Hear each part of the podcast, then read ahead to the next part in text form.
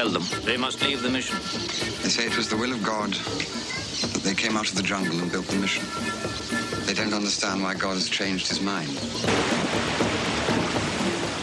You should never have become a priest. But I am a priest and they need me.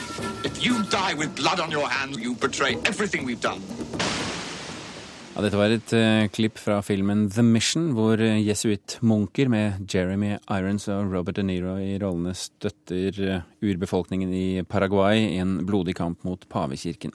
Jesuittmunkene har en gjennom århundre hatt en omstridt forhold til pavekirken, men i går ble altså argentineren Jorge Mario Berg Goglio valgt til den første pave med jesuittisk bakgrunn. Professor i kirkehistorie Øyvind Nordervall, hvor oppsiktsvekkende er det at en, en mann fra en militant munkeorden, hvis man kan kalle det det, nå skal lede verdens 1,2 milliarder katolikker? I dag er ikke jesuitterorden militant. Nei, ikke i dag. Men de har en eh, tradisjon. Det er en bråkete historie som går ja. tilbake til reformasjonstiden. Eh, og det oppsiktsvekkende er jo at det er den første uh, jesuitt som blir pave. Uh, man har jo begrepet Den sorte pave, og det er jo lederen for jesuittorden som sitter i Roma. Og denne orden har jo hatt tradisjonelt en, en, veldig sterk innflytelse i den katolske kirke, fordi den har alltid vært veldig pavetro. Helt siden reformasjonen, da den ble stiftet av Ignatius Loyola. Men er det Burde det med andre ord vært en jesuitt i pavestolen allerede før, før, dette? Det er jo ikke opp til oss å avgjøre. Nei, men Hva syns du? Altså, ville det vært naturlig? Det er jo rart at det ikke har vært det, men, men altså, jesuitterordenen har alltid hatt et dobbeltansikt innad i kirken. Det har vært stor kritikk, og det har vært stort støtte for orden. Den har støttet paven.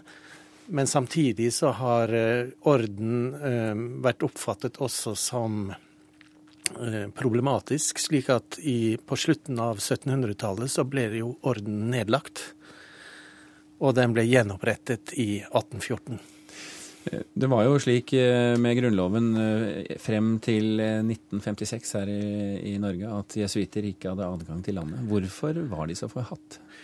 I norsk-dansk sammenheng så var det jo Dette kom jo på i første del av 1600-tallet som en regel. Og det var fordi at jesuittene drev eh, misjon med undercovered virke. Slik at vi hadde jo faktisk prester i den eh, norsk-danske kirke som egentlig var jesuitter, men som opptrådte som lutheranere for å vinne tapt terreng tilbake. Og det var jo rettssaker som ble ført, og de ble, ble avsatt. Så derfor kom den regelen inn. Og det interessante i 1814, det var jo at man opprettholdt dette forbudet, samme forbudet mot jøder og munkeordener, eh, til tross for at man opprinnelig ville ha religionsfrihet inn i Grunnloven. Og det skyldtes at man ville ha stabile forhold. Og man var redd for eh, at jesuitterorden kunne drive påvirkning. Astrid Gunnestad, journalist og kjent eh, som riksmegge her i landet, men også katolikk. Hvilke forventninger har du til den nye paven? Ja, forventninger. Du vet, først må jeg si at jeg som har et hjerte av puksten i går da jeg satt og så at han ba om folkets velsignelse og bønn for å klare denne oppgaven. Og du har altså, det er jo det som er kirken, disse hundre tusen som står på plassen der, og de kneler ned og de ber for ham, og han bøyer seg mot og tar imot velsignelsen. Og der tenkte jeg ja, dette er paven vi skal ha, vet du. Og nå hører jeg jo at han er en ydmyk mann, og han han, eh, han, bor jo i en liten leilighet, ikke sånn svær ville. Han tar bussen på jobb, han lager maten sin. Så han er altså enkel i forhold til uh, hvordan mange av de andre er. Og så er det en bra ting, og det er at han har ikke så veldig uh, tilhørighet til kurien. Og det er ganske bra. For du vet det at den forrige paven fikk jo tre kardinalers rapport om hva som har foregått av snusk og snask inne, inne i Vatikanet. Og det er ikke spøk. Jeg tror personlig at Bendik trakk seg av den grunn, for han orket ikke det der. Og det får han midt i fleisen nå. Og det er mitt spørsmål, og det er min bekymring. Er han sterk nok til å hamle opp med den kurien og rydde opp i det? Fordi det er det viktigste, pluss én ting til, og det tror jeg han har. Det er vår biskop Bernt Eidsvik som skrev nylig at der hvor Gud er, der er det sann menneskekjærlighet. Og det tror jeg han har. Så er han bare sterk nok, så kommer han til å bli en flott pave. Du sitter og nikker veldig her nå, Nordevall. Eh, Det er veldig mye riktig i det du sier, men Veldig for, mye alt er riktig. for, for, for å si det sånn, man blir ikke moderne av å ta bussen i dag.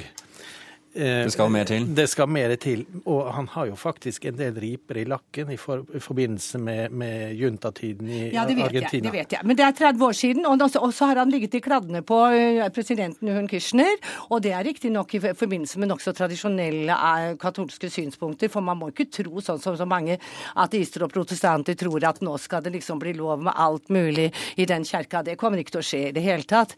Hovedsaken er at det blir ryddet opp. Og så tenker jeg at han kanskje har lært å bli litt tøffere etter at han dreit seg ut i løpet av diktaturperioden. Men han hjalp mange uten å gå ut offentlig, så hjalp han mange i det skjulte. Men han hadde ikke mot nok den gangen. Det er sant.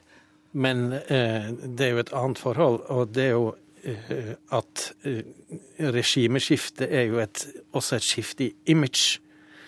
Han har en helt annen fremtoning enn det Bendik den 16. hadde.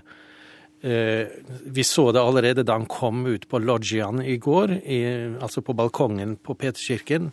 Han var bare ikledd sin hvite drakt. Eh, han gjorde ingen eh, gester. og han sto der og ventet på folkets hyllest, men, men gjorde ingenting før han da tok ordet og velsignet dem. Og dette er jo litt interessant, fordi han har jo ikke kommet dit eh, Han er jo ikke valgt av folket, han er jo valgt av kardinalene. Så hvilket ønske har ligget i bånn for å velge nettopp han? Eh, Jeg tror, selv om kardinalkollegiet er gjennomgående konservativt, fordi de som stemte er jo utnevnt av de to siste pavene, så har de innsett at med alle de skandalene som har vært, så har det vært nødvendig å få et nytt image. En ny person, og en person som kunne tale til folk, og som kan gi et troverdig bilde av den katolske kirke. Og så har han tatt navnet Frans den første. Og riktignok så finnes det en jesuithelgen som også heter Frans, men jeg tror at det er efter Frans av Assisi, som hele verden har et forhold til, og det lover også innmari godt, altså. Vi får håpe at det betyr de nye tonene i Vatikanet. Det syns jeg hørtes ut som en bra sluttreplikk. eh, Astrid Gunnestad og Øyvind Nordevall, tusen hjertelig takk for at dere kunne komme til Kulturnytt.